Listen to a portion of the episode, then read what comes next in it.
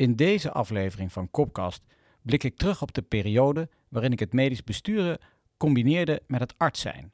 Na een korte en doch hevige ontgroening als medisch bestuurder pakte ik de witte jas weer uit de kast en ging patiënten zien. Dat dit tot verwarring leidt bij mezelf, bij de omgeving, maar ook zeker bij de patiënt, mogen duidelijk zijn. Hierover gaat de volgende podcast. U luistert naar Kopcast, een podcast van revalidatiearts Casper van Kopenhagen in samenwerking met Medisch Contact. In 14 afleveringen neemt Casper u mee in het relaas van zijn eigen revalidatie. Applaus. Dokter als bestuurder, best ingewikkeld. Mevrouw, ik ga het maar even uitspreken. Ik vind u wat achterdochtig en terughoudend. Heb ik dat mis? Probeer ik nadat ik vijf minuten zwoegend gepoogd heb wat extra informatie te krijgen van de patiënten zelf. Er was immers een schamele verwijzing vanuit het ziekenhuis.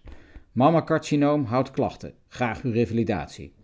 Eh, collega, hoor ik mezelf mompelen. Eh, mis ik hier iets? Gevolgde behandeling, uitstaande behandeling, prognose, comorbiditeit, activiteitenprofiel, wensen van de patiënt, ik noem maar iets.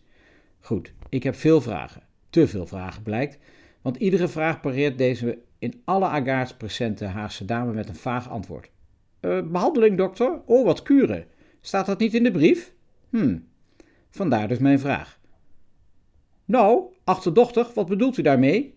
Ja, ik probeer wat meer over u te weten te komen, maar u geeft me eigenlijk geen antwoord. Ik merk dat ik enorm hard aan het werken ben. Vertrouwt u mij niet? Ja, Jans, hij heeft gelijk. Je helpt totaal niet mee, stoot haar echtgenoot haar aan. Vertrouw ik u niet, vertrouw ik u niet, zegt u? Dat klopt eigenlijk wel. Dat zit zo. Ik heb u dus van de week even gegoogeld en u zit nogal hoog in de boom hier. U bent toch min of meer de baas. Nou, dat doet u alleen om macht en staats te krijgen. Ik ken uw type. Mijn ervaring is dat soort types nou niet bepaald de meest betrokken dokters zijn. Vandaar. Hartstikke idee. Een linkse directe. Die zag ik niet aankomen. Maar dan moet je er niet naar vragen natuurlijk. Ik sta me wat over rijke ervaring, alle tijd, altijd voeten in de zorg gehad en zeg voorts, goed. Nu snap ik waar het vandaan komt. Zullen we gewoon kijken of we dit tot een goed consult kunnen breien? Ik doe mijn ding, met mijn ingebakken empathie en betrokkenheid. Anders was ik wel een verdomd slechte revalidatiearts geweest. Of doe ik hier nu extra mijn best, denk ik halverwege. Lag ik net iets vriendelijker dan bij de vorige patiënt? Zoek ik net iets vaker contact met haar partner? Smeet ik net iets te vaak een overdreven bondje met hem? Wellicht, ik ben ook maar een mens. Goed, ik moet het afsluiten, mevrouw. Het is al met al een heel verhaal zo. Moe, pijn, wankel op de been, uw hobby's die u niet meer kunt uitvoeren, uw taak als man te zorgen, als kinderoppas voor uw kleinkinderen. Zowel fysiek, mentaal als cognitief valt er wat te verhapstukken aan u. We nemen u hier in het revalidatiecentrum in behandeling, in een multidisciplinair team. Dat lukt echt niet met één therapeut in zijn eentje. U zult een uitnodiging krijgen van alle teamleden ter kennismaking en afstemming van de revalidatiedoelen. Ze staat op, doet een stap naar voren en kijkt me vanachter haar mondkapje indringend aan. Nou, u valt me alleszins mee. Voel ik daar iets van opluchting? Zoals gezegd, ik ben ook maar een mens. Ik leid haar naar buiten. Check nog snel even de naam van mijn volgende patiënt, meneer Jansen. Daarover heb ik net iets meer informatie gekregen van de neuroloog dit keer. Gemetastaseerd prostaatcarcinoom met dwarslesie incompleet dient ten gevolge. Graag uw begeleiding in herstel. Meneer Jansen, komt u verder? Moeizaam lopend met rollator komt een boom van een kerel, kaalvlekkerige huid, mager en bleek koppie, richting mijn spreekkamer, waar ik in de deuropening op hem wacht. Zo kan ik alvast zijn looppatroon onder de loep nemen. Alleen als je ervaring hebt mag je daarop varen, hoor ik mezelf tegen een niet aanwezige co-assistent zeggen. Twee joekels van klapvoeten, kennelijk nog geen enkel voetorthese ingezet, scan ik. Vanachter de rollator ontwaar ik een guitige open blik, tikkeltje somber in de diepte wellicht, maar een moedig voorwaartstype, met de stem van een bootwerker op zijn plat Haags. Nou dokter, ik heb dus kanker, maar dat wist u al. Ik heb u even gegoogeld gisteren en ik dacht, nou, ik moet wel een bijzondere ziekte hebben als de baas zelf naar beneden is gekomen om mij met ellende aan te horen.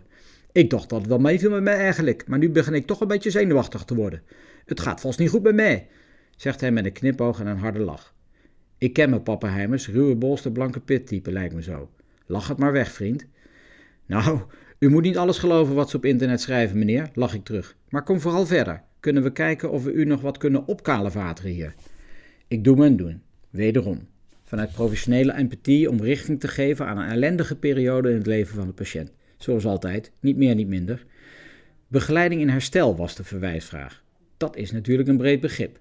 Maar bij een dergelijk complex beeld van een gemetastaseerd oncologisch proces met een redelijke prognose van nog een aantal levensjaren dient de kwaliteit van leven te worden toegevoegd.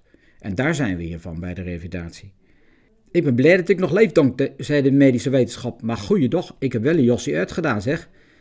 We gaan van start. Loopfunctiestoornissen, balansproblemen, veel pijn, neuropathisch en musculoskeletaal van aard. Blaas, darm en seksualiteitsvraagstukken. Het is niet gering. Daarnaast is hij somber en in een zwart gat gevallen nu hij in de ziektewet zit en zijn baan heeft moeten opgeven. Begeleiding bij een zinvolle dagbesteding is een must. Wat zo vind ik er geen bal meer aan, dokter. En hij begint licht te snikken. Zijn vrouw legt een hand op zijn onderarm. En hij kan hij ook met iemand er een beetje over praten, want hij lijkt wel extrovert, maar hierover kan hij gewoon niet praten. Ook of juist niet met mij. Deze man verdient een revalidatietraject in vol ornaat, zoveel is me duidelijk. Multidisciplinair. Daar hoeft geen zorgverzekeraar bij mij aan te kloppen of hier wel een behandelindicatie is. Voor die dure medisch specialistische revalidatie. Laat me niet lachen. Iedere besteden euro is bij deze man het tienvoudige waard. Wellicht nog als werknemer, maar bovenal voor zijn dierbaren en zijn omgeving. Aan het eind staat hij op. Niet minder wankel natuurlijk dan toen hij binnenkwam. We verrichten hier geen wonderen.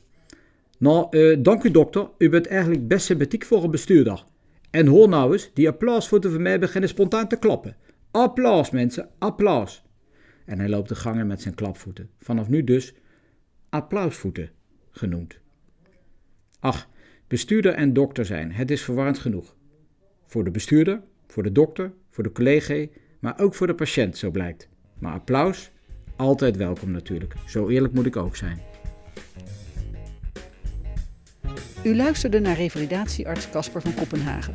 In de volgende aflevering van Kopkast dus als ik het goed begrijp, was je gepromoveerd van linksbuiten van Manchester City, het Universitair Medisch Centrum Utrecht, naar bondscoach van Argentinië, raad van bestuur van een groot revalidatiecentrum, waarbij je ook nog Spaans moest leren. En nu? Nu ben je afgezakt naar het niveau van bankzitter bij Excelsior in de Jupiler League met af en toe een invalbeurtje. Kopcast, een podcast van Medisch Contact.